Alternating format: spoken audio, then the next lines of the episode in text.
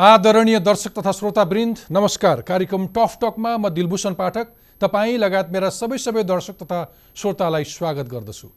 हिमालय टेलिभिजनमा हरेक बिहिबार साँझ नौ बजे प्रसारण हुने यो कार्यक्रम तपाईँ टफ टकको आफ्नो युट्युब च्यानलमा। त्यसै गरी यस कार्यक्रमका प्रस्तुतकर्ता इन्टरफेस नेपालको web page interface Nepal dot com र हाम्रो पात्रो एपमा हेर्न तथा आइओएस चलाउने श्रोताहरूले आइट्युन्स र एन्ड्रोइड चलाउने श्रोताहरूले नेपाली पडकास्टमा पनि टफ टक सुन्न सक्नुहुनेछ।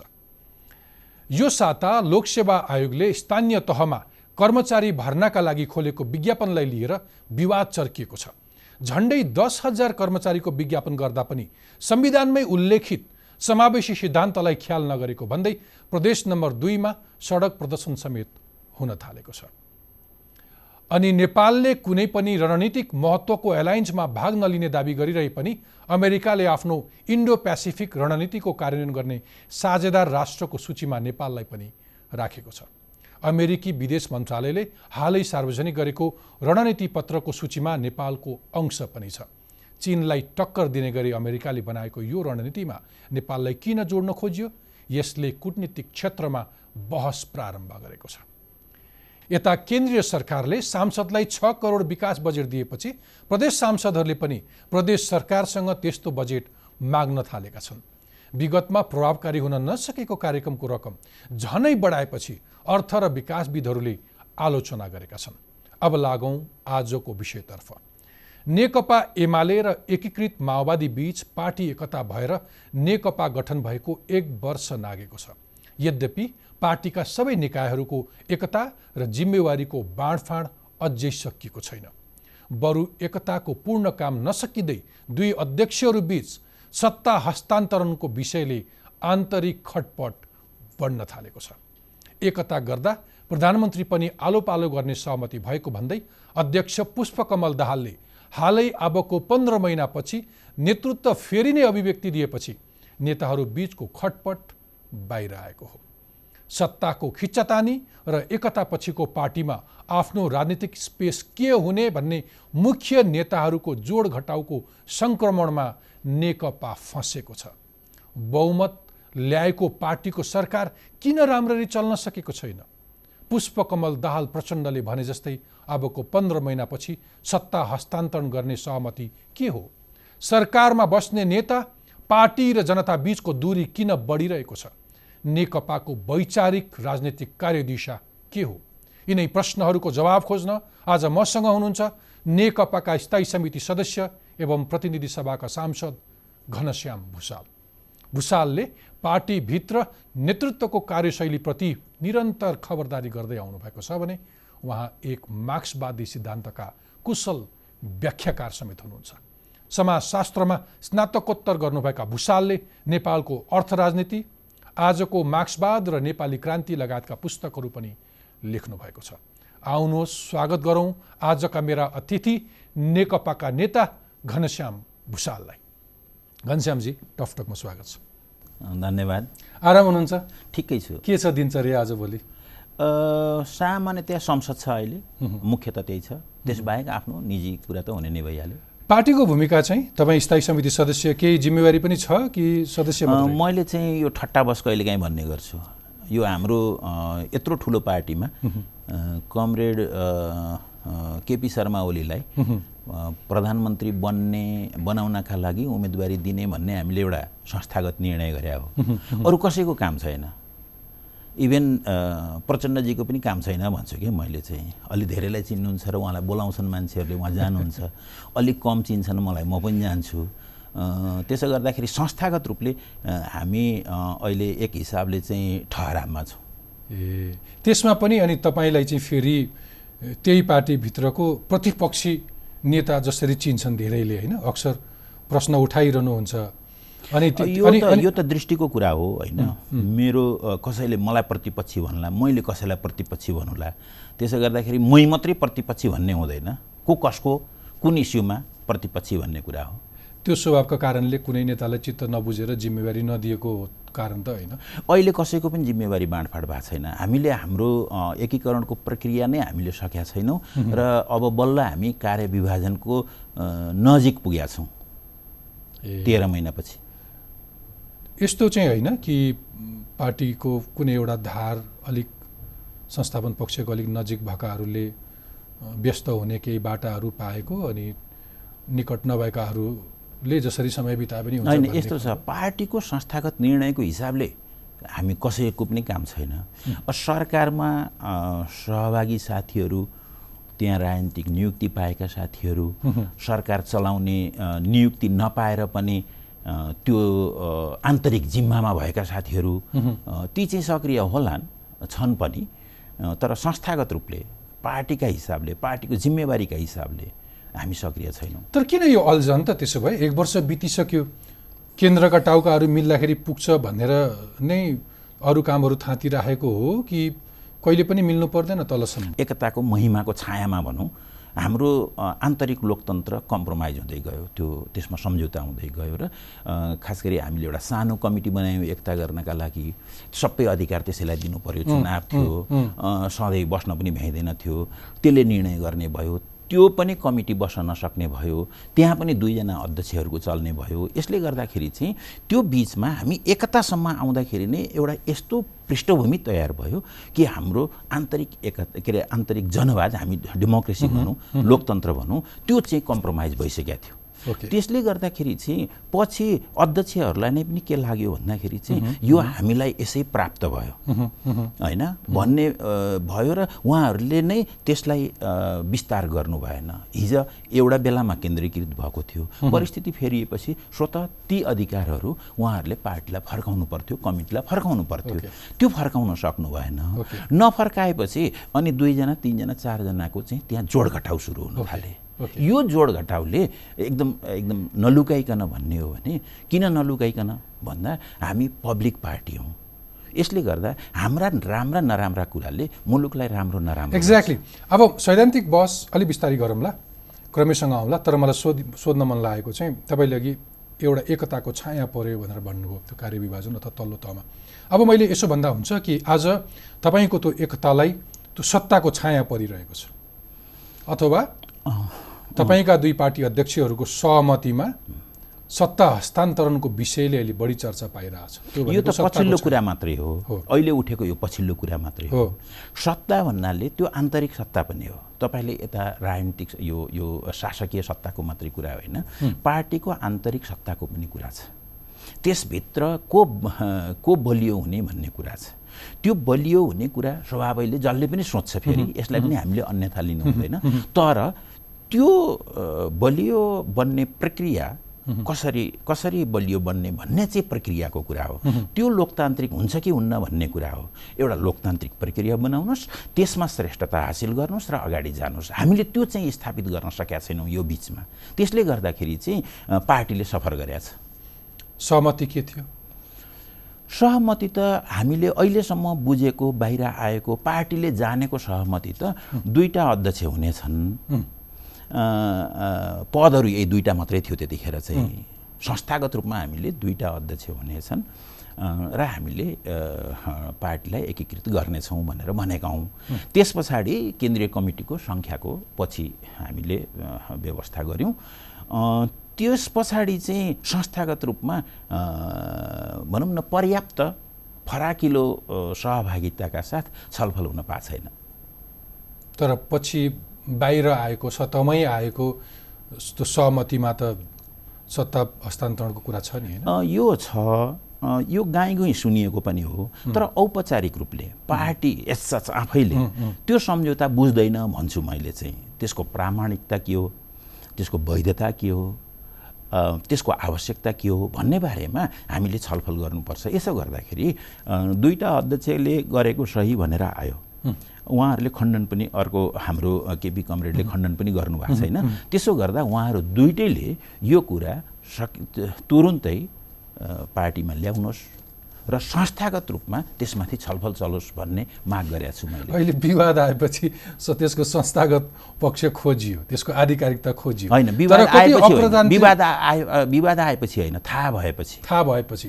तर कति अप्रजातान्त्रिक अथवा कति अलोकतान्त्रिक संस्थाहरू रहेछन् है यत्रो लोकतन्त्रको दुबाई दिने पार्टीहरू स्वयंले तपाईँहरूलाई कुनै बिना जानकारी हो जानकारी यही घटनामा मात्रै भन्नुहुन्छ भने यो असाध्य अलोकतान्त्रिक कुरा हो। यो घटना मात्रै भन्नुहुन्छ भने।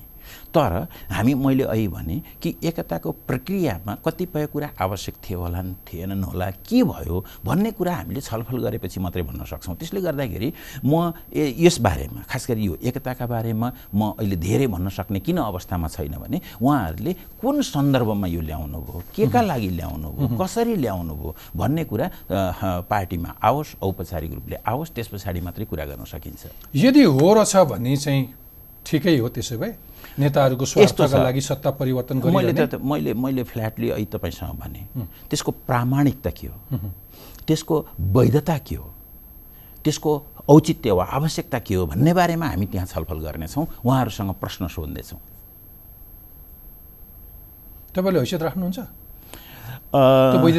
त्यो बाहिर हेर्दाखेरि बाहिर हेर्दाखेरि बाहिर हेर्दाखेरि तपाईँहरूलाई के लाग्छ भन्दाखेरि चाहिँ दुईजनाले निर्णय गरेका छन् यिनीहरू दुईजनाले जे गर्छन् गर्छन् वा त्यसभन्दा पछाडि सचिवालय छ त्यसले जे गर्छ गर्छ भन्ने लाग्छ यो होइन किन होइन भने यो यसै बनेको होइन यो पृथ्वीनारायण शाहले साना दुःखले आर्ज्याएको होइन भन्थे। यो पार्टी पनि साना दुःखले थोरै मान्छेले सानो त्याग तपस्याले सानातिना उत उतार चढावले बनेकै पार्टी होइन। त्यसो गर्दा यससँग त्यसको पर्याप्त जीवन शक्ति छ। तपाईँले त्यो सहमतिको वैधानिकता पार्टीमा कुनै बेला खोज्ने त दावी गर्नुभयो। तर यो पनि त्यसको त्यो नभएको होइन अथवा त्यसको आधिकारिकतामा तपाईँले शङ्का गर्ने ठाउँ त रहेन। तर फेरि पनि फे त्यही त्यही सत्ताको वरपर अथवा त्यही शक्तिको वरपर रुमल लिने अथवा भएकाले नदिने नभएकाले त्यो त्यसका लागि झम्टिने त्यो क्यारेक्टर चाहिँ फेरि देखिने सङ्केतहरू आउँदैछ। त्यो त हुनसक्छ त्यसलाई म इन्कार गर्दिनँ। फेरि अस्थिरताको बाटोतर्फ- तर हामी जित्छौँ त्यसलाई। त्यो सम्भावना पहिलेको एमाले माओवादीलाई जित्छ भनेको? होइन होइन। हामी कुनै पनि हाम्रो सङ्गठनको विकास यसको प्रगति आज हाम्रा जे जिम्मेवारीहरू छन् यो जिम्मेवारी पुरा गर्ने हाम्रो हाम्रो दायित्व उद्देश्यमा आइपर्ने कुनै पनि समस्यालाई हामी जित्छौँ भन्ने लाग्छ। ओके।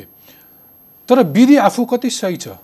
कुनै एउटा तपाईँको नेतृत्वले सत्ता कसैलाई अब होइन। तपाईँले अहिले अस्तिको यो भएको भनिएको सम्झौताकै कुरा गर्नुहुन्छ भने त्यहाँ जे लेखिएको छ त्यो दुईजना नेताले अरू दुईजनालाई साक्षी राखेर ढोका लाएर गर्नुपर्ने चिजै थिएन। यो संस्थागत रूपले गर्न सकिन्थ्यो। उहाँहरू किन तर्सिनु भयो र त्यो अलग्गै गर्नुभयो त्यो मलाई थाहा छैन। यो कुरा पनि म त्यही बैठकमा उठाउँछु। अब अलिकति पार्टीभित्रको सैद्धान्तिक प्रश्न थियो सहमतिको प्रश्न थियो। अब अलिकति सैद्धान्तिक प्रश्नमा छलफल गरौँ। कतातिर छ नेकपा आजको दिनमा? एउटा ठुलो खुड्किलो उक्लिएर झैँको तैँ छ। त्यो ठुलो खुड्किलो कुन थियो? एकता थियो। ए एकता चाहिँ भइसक्यो भ- भएको मान्नुहुन्छ तपाईँ? हो भयो। पूर्ण रूपमा एकता भएको मान्नुहुन्छ? त्यसलाई पूर्ण विशेषण नजोडौँ। एकता भयो। अनि यो कहिले यसका कामहरू बाँकी छन्। यो काम फेरि लामो समय चलिरहनेछन्। जस्तो अहिले त हामीले वास्तवमा यो विधिलाई राम्ररी स्थापित गर्न नसकेर हो। नत्र भने एउटा सशस्त्र सङ्घर्षबाट आएको पार्टी अर्को शान्तिपूर्ण पार्लिमेन्ट्री बाटोबाट आएको पार्टी यसको भाषा अवधारणा एकअर्काका मनोविज्ञान चाहनाहरू ती कुरा समेत घुलमिल हुनुपर्नेछ। भनेपछि यो तेह्र महिना हामीले जुन बिताएका छौँ हामीले यो सबै बाँकी राखेर हामीले राम्रो काम गरेका छैनौँ। राम्रो काम गरेका छैनौँ। तर फेरि पनि यो एकता यो कसैको दिमागबाट फ्याट्ट आएको कुरा होइन। अन्यथा नसम्झि न नसम्झिनु होला मलाई। अथवा तपाईँको एकता नहोस् भन्ने मेरो चाहना होइन। तर इमान्दारिताका साथ? भन्दाखेरि नेकपाको एकता चाहिँ अघि तपाईँले भने जस्तै भइसकेको हो अथवा त्यो कहिलेसम्म टिक्छ मान्छेले त पूर्ण रूपमा एकता नभइकन अब यो विभाजनको बाटोतिर पो लाग्यो भनेर टिप्पणी गर्न थालिसकेका छन्। त्यो कहाँबाट हेर्ने? मैले अहिले सुरुदेखि नै भन्दैछु। तपाईँ कहाँबाट हेर्नुहुन्छ? यसमा भर पर्छ। जहाँसम्म चाहिँ हाम्रो एकता टिक्छ कि टिक्दैन यसको उत्तर त हाम्रा व्यवहारहरूले दिने हो। मैले भनेर मात्रै हुँदैन। मैले भोलि के गर्छु भन्ने कुरा मेरो भूमिकामा भर पर्छ त्यसो गर्दाखेरि चाहिँ यो एकता टिक्छ कि टिक्दैन हामीमा भर पर्छ हाम्रा व्यवहारहरूमा भर पर्छ तर म के देख्छु? सम्भावना के छ? परिस्थिति के छ? सङ्केत के देखिन्छ? सङ्केत अहिले जे भइराखेको छ तपाईँले अ, आशंका गर्न सक्ने ठाउँ छन्। छँदै छैन बाहिरबाट हेर्दा कस्तो देखिन्छ भन्दाखेरि तेह्र महिना भयो राम्ररी एकता पुरा गरिरहेका छैनन्। तर तपाईँ यस्तो कचिङ्गल कचिङ्गल छन्। कचिङ्गल गरिरहेका छन् अनि के अरे सहमति पत्र भएको नभएका जस्ता कुरा उठिरहेका छन्। यी यस्ता चार पाँच छ सातवटा कुरा हेर्नुहुन्छ भनेदेखि यो एकता यिनीहरूको हुँदैन कि भनेर भन्न प्रशस्त ठाउँ छ। त्योभन्दा बाहेक अरू पनि छन्। तपाईँले पटक पटक भन्ने गरेको यो गुटहरूको महासङ्घ गुटै गुट छ। होइन? यो भेडीगोठ जस्तो भएको छ। विचारविहीन छ। यसको स्पष्ट कार्यदिशा छैन। यो यो यो यो समाजवादको बाटोमा छ कि यो सत्यानाशको बाटोमा छ भने तपाईँ आफै पटक पटक यी भन्नुहुन्छ सबै कुरा तपाईँले भनेका कुरा मैले भनेका कुरा हुन्। तर त्यसको खास सन्दर्भमा भनेको छु मैले चाहिँ हामी जहाँ छौँ यदि तपाईँले यसलाई म्यानेज गर्नुहुन्न भने हामीसँगै भएको विधिलाई स्थापित गर्नुहुन्न भने यो गुटहरूको महासङ्घ हुन्छ। म सम्झन्छु करिब पाँच वर्ष अघि तपाईँले टफ टकमा पार्टीभित्र चाहिँ दलाल पुँजीपतिहरूको चाहिँ हालिमुहाली भयो। पार्टी नै खाइसक्न लागे यिनले भनेर। अत्यन्तै धेरै बिगबिगी छ भनेर भन्नुभएको थियो। पछिल्ला केही अभिव्यक्तिहरूमा पनि तपाईँको झन बढी दलाल पुँजीपतिहरू बढेर गए भनेर भन्दै हुनुहुन्थ्यो। ठ्याक्कै भनिदिन सक्नुहुन्छ कस्ता खालका दलाल पुँजीपतिहरूको दबदबा बढ्दै गएको हो पार्टीभित्र यो पनि यसलाई पनि यसरी हेरौँ। यो समाज यसको अर्थतन्त्रको विश्लेषणमा हामी केन्द्रित भएका हौँ? मैले पनि त्यो कुरा गरेको हुँ। यो समाज कस्तो छ? भन्दा यो समाज पुँजीवादी छ भन्यौँ हामीले। पुँजीवादी छ भनेको के हो भन्दा एकदम सामान्य शब्दमा भन्नुहुन्छ भने जब समाजको आम मान्छेहरू नाफा वा ज्यालाका लागि हिँड्छन् आफूसँग साधन भएकाहरू नाफाका लागि हिँड्छन् आफूसँग कुनै साधन नभएकाहरू ज्यालाका लागि हिँड्छन्। त्यस्तो समाज पुँजीवादी हो। यस अर्थमा आजको नेपाल यो यो समाज पुँजीवादी हो किनभने सबै मान्छे आम रूपमा नाफा वा ज्यालाका लागि हिँडेका छन्। तर अर्थशास्त्रमा अर्थतन्त्रको समाजको विकासको एउटा खास चरणमा पुँजीवाद जहिलेसुकै प्रोडक्टिभ रहेन भन्ने हाम्रो विश्लेषण हो। त्यो उत्पादन बढाउने खालको त्यसलाई पनि अझै उत्पादन त्यसलाई भेग नबनाऊ त्यो रोजगारी सिर्जना गर्ने खालको राष्ट्रिय आय वा त्यो इन्भेस्टमेन्टको त्यो क्षमता बढाउने खालको सबै पुँजी हुँदैनन्। जब त्यो पुँजी कमजोर हुन्छ त्यो इन्भेस्ट गर्ने उद्यमसँग गाँसिने पुँजी कमजोर हुन्छ र केवल केवल यो माथि सट्टा बजारमा मात्रै पुँजी रिहिरहन्छ त्यो समाज दलाल पुँजीवादी हो भनेको हो हामीले यसरी आम रूपमा हाम्रो अर्थतन्त्र त्यस्तो छ भने हाम्रो समाजमा त्यसका प्रशस्त प्रभाव छन् र त्यसकै उपज भएको कारणले गर्दा पार्टीहरूमा हरेक पार्टीमा दलाल पुँजीवादको बिगबिगीका प्रशस्त सम्भावना यसै छन् तर यसलाई त्यो एउटा सचेत वैचारिक सैद्धान्तिक प्रयत्नले कम गर्दै जाने हो। हामीले मतलब मैले भने जस्तै पार्टी बन्यो अरे भन्नुहोस् न। बनाइयो भने पनि त्यसमा दलाल पुँजीवादै हुँदैन भन्ने होइन। त्यहाँ हुनेछ। कति हुनेछ?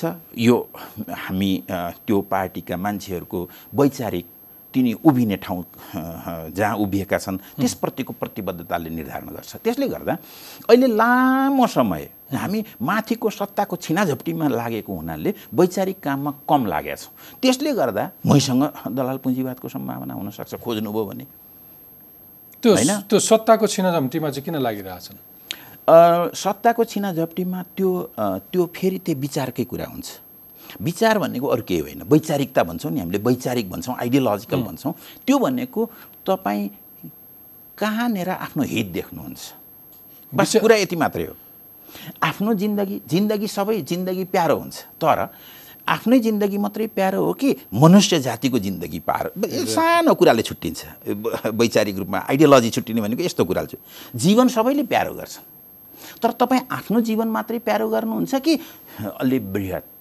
तपाईँको आशय चाहिँ तपाईँको आशय चाहिँ सिधा सिधा भन्दाखेरि नेतृत्वमा पुग्नेहरू चाहिँ स्वार्थी भए तपाईँले अघि भनेको समग्र मनुष्य नभएर आफ्नो कम्फर्टका लागि आफ्नो अनुकूलताका लागि हो त्यो आफ्ना। छोराछोरीको त्यो सम्भावना छ प्रगतिका म-। कुनै खास मान्छेलाई अहिले भन्दिनँ तर हामी कहाँ हामी कहाँ त्यसको सम्भावना छ। किनभने सम- समाज त्यस्तो छ त्यो समाजको प्रडक्ट हामी हौँ भनेपछि हाम्रा संस्थाहरू हुन् भनेपछि त्यसमा प्रशस्त सम्भावना छ। मैले भनेको त अझै के भन्ने गरेको छु भने सत्य निरूपण गरौँ। को कति पानीमा छौँ? मेरो सम्पत्ति मेरो आय मेरा सम्बन्धहरू सबै एउटा कमसेकम खुलेर मैले कुरा गर्ने मेरा सबै कुरा राख्ने वातावरण होस् त्यहाँ तपाईँले राख्नु यो पार्टी सङ्गठनको प्रक्रियामा अथवा पार्टी सुदृढ गर्ने सिलसिलामा सत्य निरूपण गरौँ। यो सत्य निरूपण गरौँ र अनि मेलमिलाप गरौँ ल। अहिले अनि माफी पनि गरौँ। माफी पनि गरौँला माफी पनि गरौँला र अब नगर्ने कसम खाउँला। ल यस्तो यस्तो कमी छ है मसँग यो कमी छ तपाईँसँग यो कमी छ। अब हामी यस पछाडि यो कमी नगरौँ। के के कमीहरू रहन्छन् यो पाँच वर्षभित्रमा हामीले हटाउँला केही त्यो त्यो भन्ने। स्थिति चाहिँ कहाँनिर आयो भन्दाखेरि अहिलेको प्रश्नमा म पछि फर्केँ भने तपाईँले महिना अघि काल मार्क्सको जन्मजयन्ती कार्यक्रममा नेताहरू अगाडि राखेरै भन्नुभयो कि दिनमा सयजना दलालहरू भेटिन्छ यी नेताहरूले भेट्छन्। बिहानदेखि बेलुकासम्म भनेर भन्नुभयो। त्यो त्यो दलालहरूको झुन्डमा कसरी फँसे नेताहरू तपाईँको पार्टीका नेता होइन मैले त्यो अझै भन्नुहुन्छ भने फसे यसरी अलिकति यो बढी भयो कि भन्ने लाग्यो मलाई। मेरो भने हामी जो राजनीति गर्छौँ हामी एक दिनमा सयजना दलालसँग भेट हुन्छ। यसो भएपछि बिहानदेखि बेलुकासम्म बेलुका बेलुकासम्म अनेक। अनेक सम्भावना भन्ने भयो मैले त्यसैमा भनेको छु। अनेक खालका मान्छे हुन्छन्। त्यो त्यो भन्सारका फ्रडदेखि लिएर होइन जाली तम्सुकहरूकादेखि लिएर घुसखोरहरूदेखि लिएर होइन मैले त्यहीँ भनेको छु। त्यो नपढाउने चाहिँ द मास्टरदेखि लिएर पार्टीको हुने नपढाउने मास्टर। पार्टीको हुने नपढ्ने स्टुडेन्ट लिडर। पार्टीको हुने महिलाहरूका क्षेत्रमा केही नगर्ने महिला सङ्गठनको लिडर यी तमाम हुन सक्छन्। मेरो माग के हो भने सबैभन्दा नालायक सबैभन्दा दलाल सबैभन्दा घुसखोरहरूले घेरिया छ भन्ने आशय। त्यो त स्वाभाविक हो नि। तिनले घेर्छन् नै फेरि। तपाईँ सुध्रिनु भयो भनेदेखि पनि तपाईँको वरिपरि त्यो घेराबन्दी रहिरहन्छ। अनि तिन ती नेताले त्यसलाई चिर्न सकेनन् भन्ने तपाईँको बस, गुनासो हो। चिर्न सक्ने त्यो त्यो जीवन शक्ति मैले चाहेर हुँदैन। मैले चाहेर मात्रै हुँदैन मलाई मजा मैले चाहेर मात्रै हुँदैन। त्यो स्पेस हुनुपर्छ। जहाँनिर हामी त्यो अहिले मैले भने जस्तो ए हाम्रो उद्देश्य बृहत्तर मानवताको हो है। मेरो निजी होइन है। मेरो पदका लागि म शक्ति थुपार्नका लागि अर्कामाथि आदेश गर्नका लागि अर्कामाथि शासन गर्नका लागि होइन है भन्ने कुराको स्कुलिङ त्यो छलफल निरन्तर छलफल त्यसमा आउने समस्याहरू त्यसमा हुने इन्क्रोचमेन्ट भन्नुहोस् न त्यसलाई हामी यहाँनिर छ यहाँनिर छ यहाँ आयो ममा आयो तपाईँमा आयो भनेर एकले अर्कालाई चाहिँ त बताइराख्ने छलफल गर्ने त्यो स्पेस पार्टीमा भएन भने पार्टी निसन्देह बर्बाद हुन्छ। मैले अर्को एउटा पक्ष देखाएँ भने तपाईँलाई स्वीकार्नुहुन्छ हुँदैन। अब त समस्या कहाँ पुगिसक्यो भने ती तपाईँका नेताहरू जो अघि तपाईँले भनेका दलालहरूसँग घेरिए र तपाईँले भने जस्तो समग्र मनुष्यलाई नभएर यो एउटा एक्लो मनुष्य मलाई मात्रै मेरा लागि मात्रै सोचेर अगाडि बढे अब धेरै मान्छे त तिनीबाट पो इन्सपायर्ड हुन थाले तिनको जस्तै गाडी चढ्ने तिनको जस्तो छोरालाई थुपार दिने तिनको जस्तो छोरीलाई अथवा बुहारीलाई सत्तामा अथवा शक्तिमा पुर्याउने तिनको जतिको अख्तियार दुरुपयोग गर्ने। तिनले जसरी पार्टीका कुनै एउटा राम्रो इमान्दारलाई हत्या गर्ने अथवा त्यसलाई निकम्बा साबित गर्ने। हो।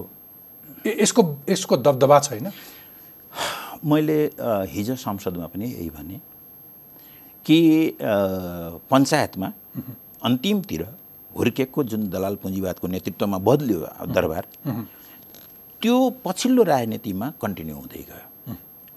त्यसमा ब्रेक आएन। त्यसलाई हामीले बदल्न सकेनौँ। गरेनौँ बदलेनौँ। खैर यो इतिहासको कुरा भयो। अब हामी बदल्यौँ है यो सङ्कट हो है यसलाई चिनौँ है।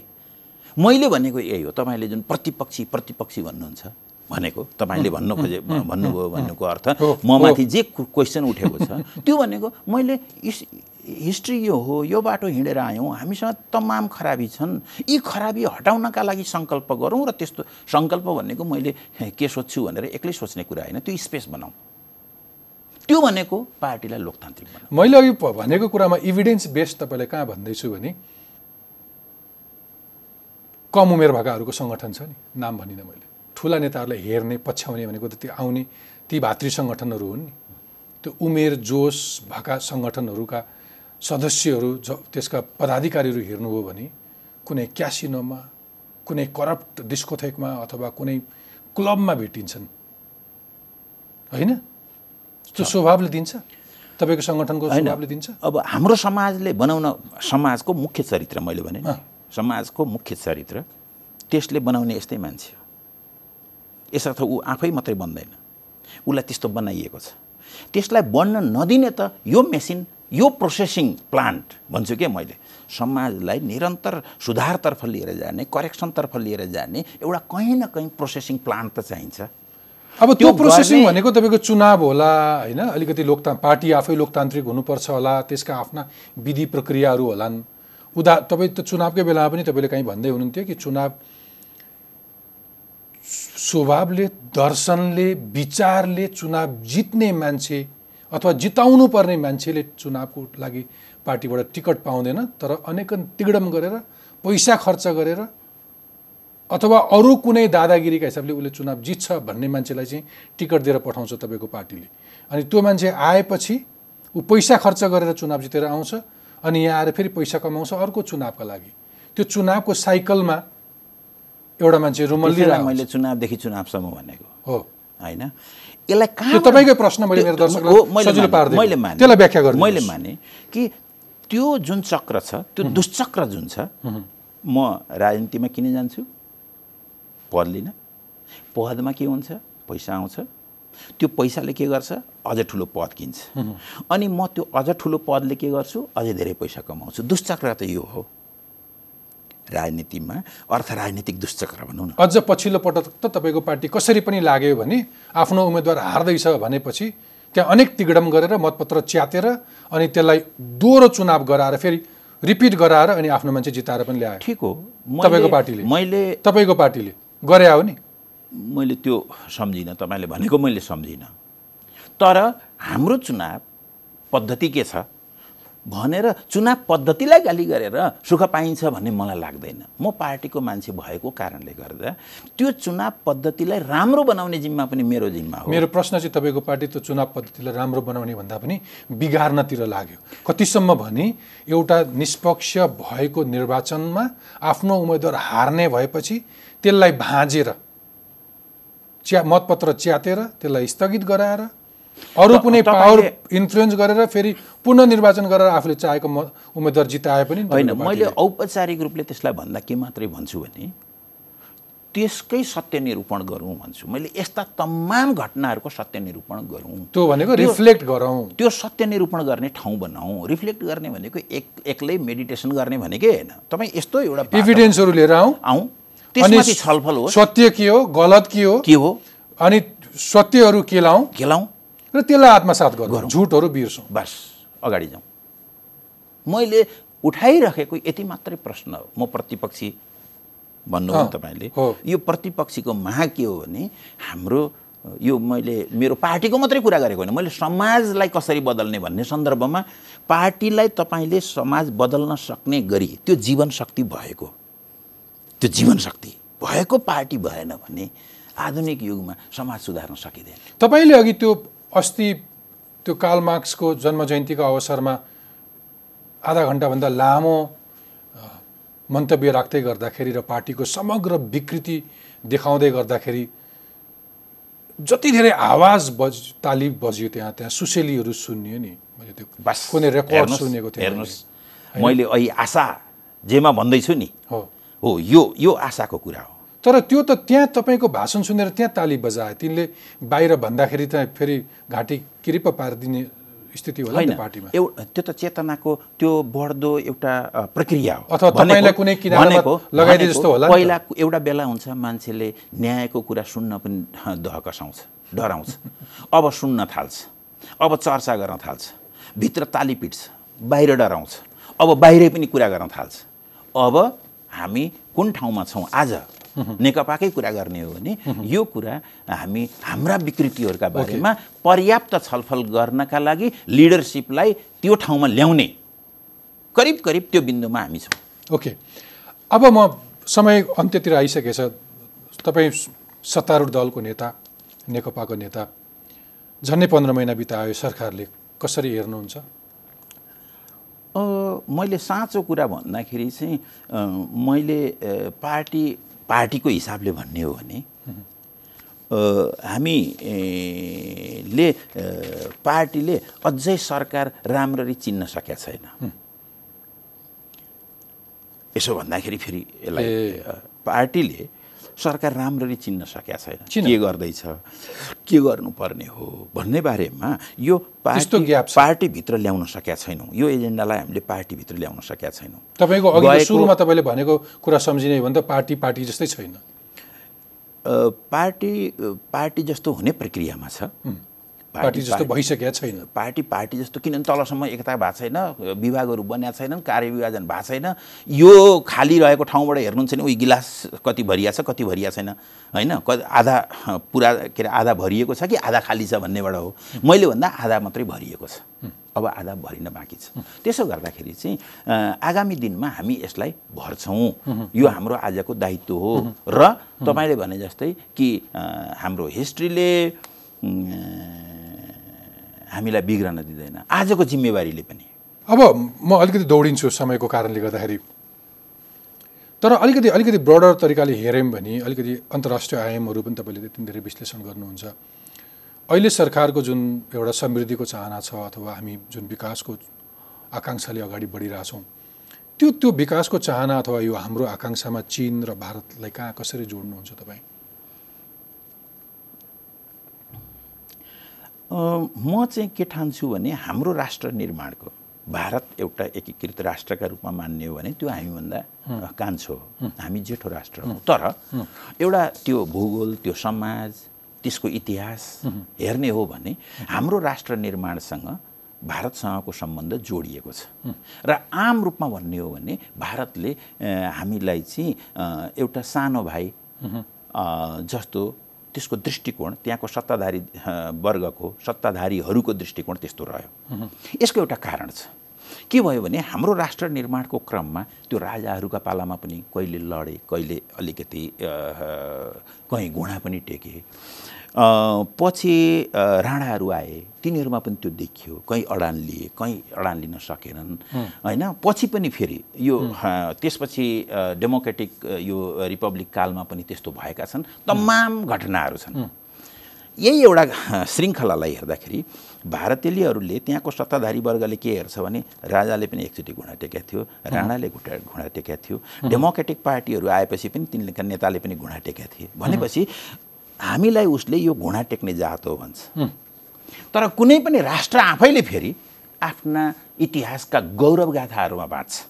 अनि हामीले हेर्दाखेरि के हेर्छौँ? हामी एउटा सार्ववंशता सम्पन्न स्वतन्त्र भारतभन्दा जेठो मुलुक हौँ सानो हौँला भूगोलले जनसङ्ख्याले। तर सार्ववंशताका हिसाबले सानो र ठुलो होइन हुन सक्दैन भन्ने यो हाम्रो यो पर्सपेक्टिभ हाम्रो छ र यो जायज पर्सपेक्टिभ हो।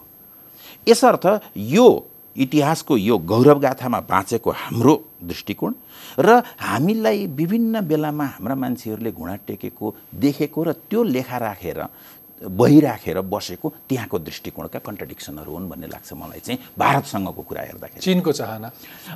चिन यसै पनि दुनियाँलाई थाहा छ। हिस्ट्रीमै पनि हेर्दाखेरि माओ छेतुङले एकचोटि भनेका छन्। यो चिन गएको दुई हजार वर्षदेखि साम्राज्यवादी छैन भन्छन्।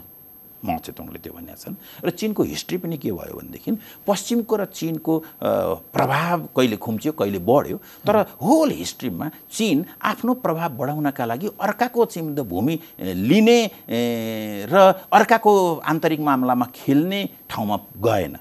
उसको इतिहासै त्यस्तो रह्यो। त्यसले गर्दाखेरि हामीसँग आजका मितिसम्म भन्दाखेरि चिनसँग सम्बन्ध राम्रो रहिरहनुको कारण यो भयो। तर फेरि यसो भनेर आजको फेरि वस्तुस्थिति के हो? आजको जीवित वास्तविकता के हो? भन्दा यो सानो मुलुक सानो यस अर्थमा कि यी दुईवटा ठुला मुलुकको बिचमा छ। यो सानो मुलुकले आफूलाई बचाउनका लागि आफ्नै खुट्टामा सोझो उभिनुपर्छ। यो यता वा उता ढल्केर यसले आफ्नो इतिहासको रक्षा गर्न सक्दैन र यसले आफ्नो भविष्यको पनि रक्षा गर्न सक्दैन भन्ने लाग्छ मलाई। विशेष गरी तपाईँहरूको अघि तपाईँले भन्नुभयो कि पार्टीको एकता भइसक्यो तर अरू धेरै कुराहरू बाँकी छन्। कहीँ कतै लाग्छ कि सैद्धान्तिक रूपमा पनि तपाईँहरू अस्पष्ट हुनुहुन्छ विचारका हिसाबले पनि अलिकति अस्पष्ट अथवा हाम्रो सिद्धान्त के हो भन्ने कुरामा पनि अलिकति दुविधामा हो। कहीँ कतै तपाईँले यस्तो छ कतिपय मानिसहरूमा दुविधा छ। मैले भनिरहेको कुरा के हो भने मानिसहरूमा दुविधा छ। हामीले के भनेका हौँ। आधार के हो एकताको? भन्दा हामी हिजोको एमाले जुन ठाउँमा पुग्यो आफ्नो विकास क्रममा माओवादी पनि त्यो ठाउँमा पुग्यो। त्यो भनेको हामीले एउटा हिजोको जनवादी क्रान्ति भनेर जुन भन्थ्यौँ त्यो सकियो। अब हामी राष्ट्रिय पुँजीको विकास गर्दै समाजवादतिर जाने हो भन्ने मोटो कुरामा हामी एकै ठाउँमा छौँ। यसमा विवाद अगाडि बढेर गरेका छैन। तर- कसैले अन्तर्वार्ता दिन्छ? निजी रूपमा होइन? त्यसलाई चाहिँ अलिकति पब्लिक कन्जम्सनका लागि कसैले केही भनिदिन्छ त्यो अर्को कुरा भयो। तर पार्टीको मूल दिशा यो हो। तर- यसमा विवाद छैन। तर तपाईँ त एउटा एकाडेमिसियन एउटा एकाडेमिक्स रेफरेन्सहरू ल्याउनुहुन्छ पढ्नुहुन्छ हिस्ट्रीहरूलाई रेफरेन्स दिनुहुन्छ होइन?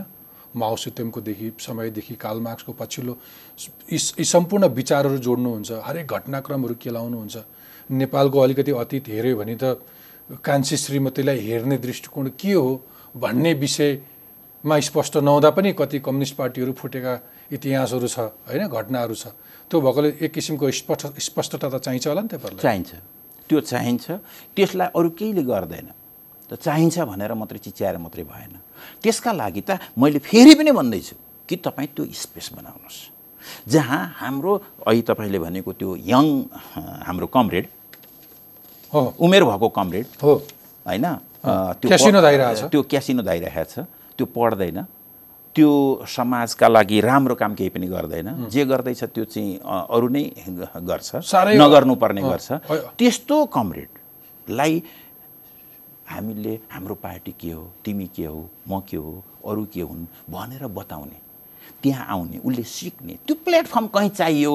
नत्र त यो समाजले बिगार्छ बिगार्छ। त्यसो भए नि एउटा बडो विरोधाभास लागिरहेको नि एउटा सरकार यसो हेऱ्यो भने केही राम्रा कामहरू गर्न खोजे जस्तो लाग्छ। नाराहरू हेऱ्यो भने बडो आकर्षक लाग्छन्। यतिको दशकसम्म हामीले एउटा राम्रो विकास नदेखेको मुलुकका नागरिकहरू। तपाईँको कुरा सुन्यो भने जुन पार्टीले नेतृत्व गरेको छ त्यो सरकार जसले सपना बाँडिरहेछ त्यो पार्टीको धरातल केही पनि छैन। एउटा नारामा मात्रै हिँडिरहेछ एकताको त्यसको व्यवहारिक रूप देखिन पाएको छैन। दुईवटा अध्यक्षहरू भनिन्छ दुईवटा अध्यक्षहरूको कुनै तालमेल देखिँदैन। के इङ्गित गर्छ? कता जाँदैछौँ? तपाईँले अघि भने त्यो त जहिले पनि बाँकी रहन्छ। जहिले पनि बाँकी रहन्छ। तर यसको मूलगामी चरित्र विश्व इतिहासको मूलगामी चरित्र समाजवादतर्फै हो। म बिग्रेँ भनेदेखि अरू दसजनालाई मैले यो बताएर जान्छु कि यो बिग्रने बाटो रहेछ। घनश्याम जुन बाटो हिँड्यो त्यो बाटो बिग्रने बाटो रहेछ भनेर म दसजनाको आँखा खोलेर जान्छु। हिस्ट्री यसो भन्छ। हिस्ट्री यसरी नै बनेको छ। त्यसो गर्दाखेरि म बिग्रेँ भनेर सबै बिग्रदैनन्। हामी यो पार्टी बिग्रियो भनेर सबै बिग्रदैन समाजवादको भविष्य त यसै पनि यो उज्यालो छ। तर हामी बिग्रन्छौँ कि बिग्रन्नौँ हामीमै भर पर्छ। यसर्थ हामी बिग्रन्छौँ कि बिग्रँदैनौँ हामीमा भर पर्छ भन्नुको अर्थ हामी सुध्रिनका लागि त्यो कहीँ न कहीँ ठाउँ चाहिन्छ। यो ठाउँ चाहिन्छ। मैले त्यसलाई प्रोसेसिङ मेसिन भने प्लान्ट भने। जहाँ समाजको एकदम कोरा मान्छे आउँछ र राम्रो कुरा सिक्छ। समाजको एकदमै व्यक्तिवादी मान्छे आउँछ र त्यसले मानवताको कुरा सिक्छ। समाजको एकदमै पुँजीवादी अर्कालाई लुट्ने खाने भनिएको मान्छे आउँछ र उसले समाजवादका आदर्शहरू सिक्छ। त्यो संस्था बनाउने हो। त्यो संस्थामा कुनै ठाउँ बनाउने हो जहाँ हरेक मान्छे स्वतन्त्र छ। स्वतन्त्रतापूर्वक आफ्नो कुरा राख्छ र स्वतन्त्र मान्छेहरूले जुन निर्णय गर्छन् त्यो स्वतन्त्र निर्णय हुन्छ। यस्तो बनाउन खोजेको ओके त्यसो भए बिट मार्दा गर्दाखेरि अलिकति पोजिटिभ नोटमा एन्ड गरौँ यसलाई अलिकति कन्क्लुड गरौँ। बिचमा छलफलमा हामी कतै गयौँ भने पनि तपाईँले मैले पोइन्टमा आग्रह गरेँ कि तपाईँको सुझाव सरकारलाई र पार्टीलाई सरकारबाट सुरु गरौँ। तपाईँको पार्टीको नेतृत्वको सरकारलाई तपाईँको सुझाव के छ? म चाहिँ सामान्यतया मन्त्रीहरू हेर्दाखेरि चाहिँ सबैले केही काम गर्न खोजेकै देख्छु व्यक्तिगत रूपमा हेर्दाखेरि। तर हरेक मन्त्री आफूले मात्रै राम्रो काम गर्न खोजेको हो कि? त्यो सरकारले राम्रो काम गर्नुपर्छ र त्यसको एउटा अङ्गका हिसाबले मैले काम गर्छु भन्ने कुरा चाहिँ मा समस्या हो कि अथवा कोअर्डिनेसनमा समस्या हो कि भन्ने मलाई लाग्छ। खास गरी सरकारको कामको तरिका हेर्दाखेरि। ओके। समग्र सरकार हेर्दाखेरि यत्रो पार्टी छ हाम्रा पछाडि। यो पार्टीले हामीलाई सरकारमा लगेको छ। यसर्थ स्वयं पार्टी जो जनतासँग छ यो के सोध्छ? उसँग कति इन्ट्रेक्ट गर्नुपर्छ? मैले कति कार्य सम्पादनमा म कहाँ चुकेँ के कति बिराएँ। गर्ने। त्यो एउटा ठाउँ। छैन। त्यो गर्नका लागि यो समग्र पार्टीलाई नै हामीले राम्ररी चलाउनुपर्छ। त्यस सरकार राम्रो बनाउने हो भने पार्टी राम्रो बनाउनुपर्छ भन्ने हो। बडा प्रष्ट भन्दाखेरि चाहिँ सरकार आफै चारजना दसजना मन्त्रीहरूले केही गर्दैनन्। तिनका सुख तिनका दुःख। तिनका सुख बुझ्ने तिनका सुख मैले यस अर्थमा तिनका उपलब्धिलाई तल जनताका बिचमा लैजाने। तिनका गल्ती छन् भनेर जनताले आलोचना गरिरहेका छन् भने यो नगरौँ है भनेर तिनलाई सम्झाउने नियन्त्रण गर्ने त्यो ठाउँ भनेको पार्टी हो। अब अब पार्टी सच्याउँदाखेरि चाहिँ अघि तपाईँले भने जस्तै सत्य निरूपण गर्नु पर्यो। हो। मेलमिलाप गर्नु पर्यो। अनि माफी माग्नेले माफी माग्नु पर्यो माफी दिनु पर्यो। पर्यो। अब नगर्ने कसम खानु पर्यो? नगर्ने कुराको ग्यारेन्टी गर्नु पर्यो त्यो प्रक्रियाहरू निर्धारण गर्नु पर्यो? अ, अनि अनि तपाईँले अघि भने जस्तै त्यो आधिकारिकता नभएको सहमति गर्दै हिँड्नु भएन? त्यो त स्वाभाविकले गर्नु भएन।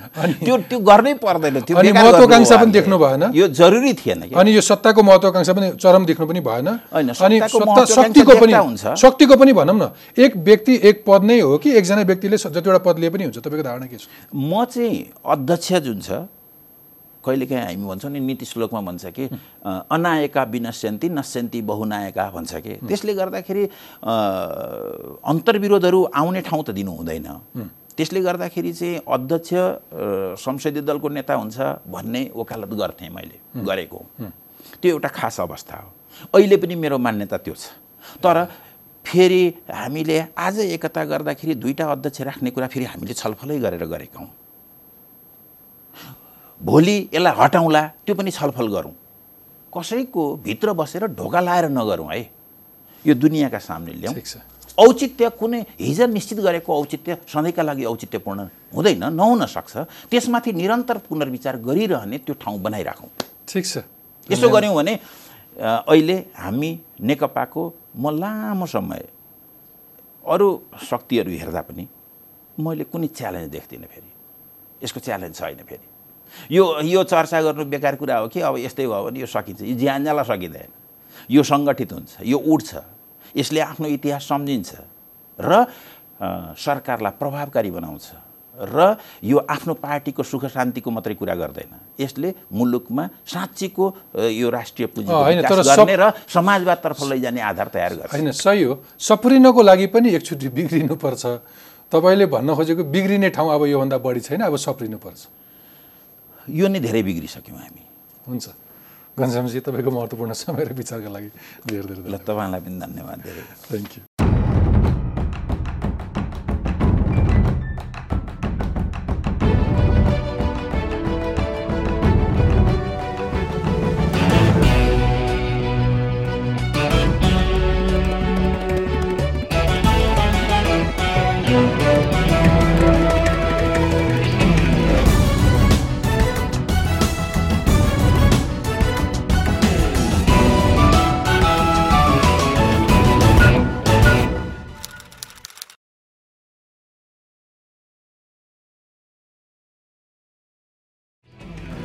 सार्थक छलफलको नयाँ संस्कार विषयको चुरो समय अन्तर्वस्तुसम्म पुग्ने कुरा